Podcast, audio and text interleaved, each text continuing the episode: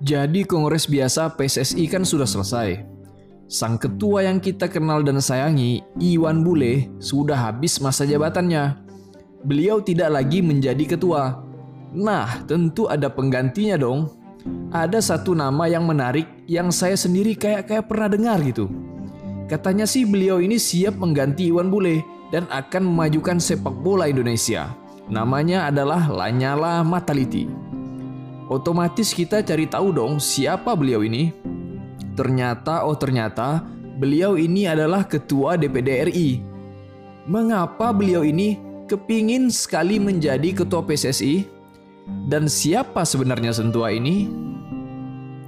Sebelum kita bahas Lanyala Mataliti, kita harus tahu dulu mengapa pemilihan ketua PSSI kali ini sangat menarik perhatian.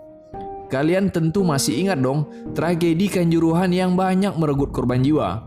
Tragedi ini berakibat terhentinya kompetisi sepak bola tanah air. Desakan kepada Bapak Kanjeng yang mulia Ndoro Mbah Kakung Iwan Bule untuk mundur dari kursi kepemimpinannya di PSSI sudah sangat kuat.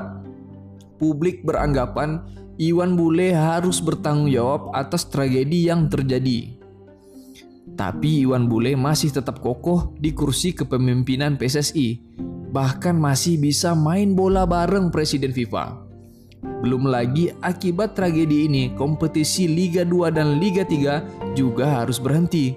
Tidak akan ada tim yang promosi ke Liga 1. Makanya, kita sebagai penikmat bola tanah air menaruh harapan besar kepada siapa pengganti Iwan Bule ini. Hadirlah nama Lanyala Mataliti. Siapa dia? Ternyata, oh ternyata, Lanyala bukan nama asing di PSSI. Pantasan kayak pernah dengar gitu. Beliau pernah menjabat jadi ketua PSSI tahun 2015 sampai 2016. Kalian masih ingat nggak dengan peristiwa pembekuan PSSI oleh FIFA? Nah, waktu itu beliau inilah yang jadi ketuanya. Jadi beliau menjadi ketua PSSI waktu PSSI tidak dianggap apa-apa oleh FIFA. Mungkin, tapi mungkin loh ya. Karena itu beliau penasaran pengen jadi ketua lagi. Waktu itu FIFA ngasih sanksi ke PSSI akibat adanya intervensi oleh pemerintah Indonesia terhadap tata kelola sepak bola Indonesia. Lanyala terpilih menjadi ketua PSSI tepat satu hari setelah PSSI dibekukan oleh Kemenpora. Jadi Lanyala tidak bisa berbuat banyak sampai Kemenpora mencabut pembekuannya satu tahun kemudian. Kemudian pada Maret 2016, saat menjabat ketua PSSI, Kejaksaan Tinggi Jawa Timur menetapkan Lanyala sebagai tersangka dalam kasus dugaan korupsi penggunaan dana hibah pada Kadin Jawa Timur jadi dalam sejarah PSSI, Lanyala adalah orang kedua yang menjadi tersangka pada saat menjabat sebagai ketua. Setelah sebelumnya ada nama Nurdin Halid yang menjadi tersangka atas kasus penyelundupan gula impor ilegal dan beberapa kasus korupsi lainnya. Tapi, kiprah Lanyala di PSSI sebenarnya sudah dimulai sebelum itu. Pada tahun 2011, pria yang dikenal sebagai pengusaha dari Surabaya ini pernah menjadi komite eksekutif PSSI atau Exco PSSI. Dia menginisiasi pembentukan Komite Penyelamat Sepak Bola Indonesia atau KPSI. KPSI ini tidak percaya atas pengurusan PSSI yang saat itu dipimpin oleh Zohar Haripin Hussein. Sepak bola Indonesia waktu itu memang sedang parah-parahnya. Terjadi dualisme di tubuh PSSI, mengakibatkan adanya dua kompetisi besar yang bergulir, Liga Super Indonesia dan Liga Primer Indonesia. Klub-klub profesional yang ikut berkompetisi juga terpecah menjadi dua.